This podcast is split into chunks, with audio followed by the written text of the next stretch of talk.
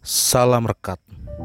Sebuah renungan singkat yang bertujuan untuk merekatkan yang jauh menjadi semakin dekat. Rekat hari Selasa 17 Agustus 2021 diberi judul Hidup Merdeka. Rekat hari ini dilandasi firman Tuhan dari kitab Mazmur pasal 101 Ayat nats hari ini diambil dari ayat 2 Aku hendak memperhatikan hidup yang tidak bercelah bilakah engkau datang kepadaku?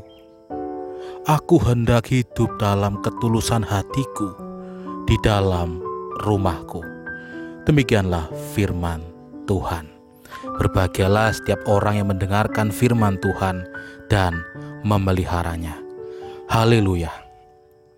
Merdeka. Merdeka. Merdeka.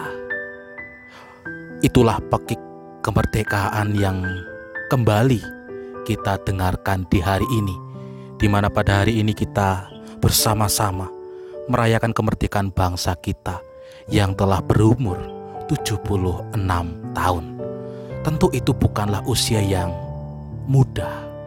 Tentu ada begitu banyak perjuangan, tumpah darah, keringat, bahkan nyawa yang telah diberikan oleh para pendahulu kita sehingga kita saat ini bisa merasakan kemerdekaan.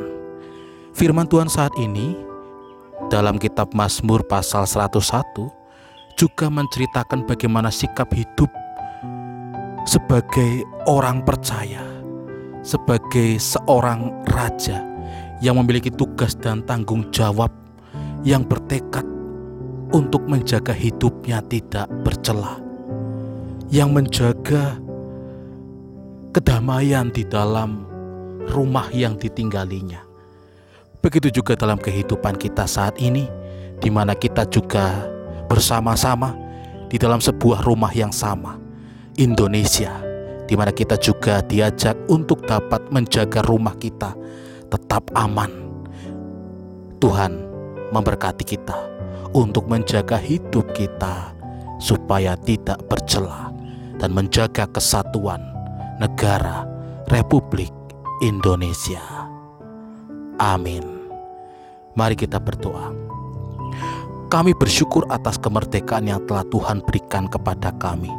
Mampukan kami untuk ikut ambil bagian menjaga rumah kami. Amin. Saya Pendeta Samuel Prayogo dari GKJ Banyumanik Semarang menyapa saudara dengan salam rekat sebuah renungan singkat yang bertujuan untuk merekatkan yang jauh menjadi semakin dekat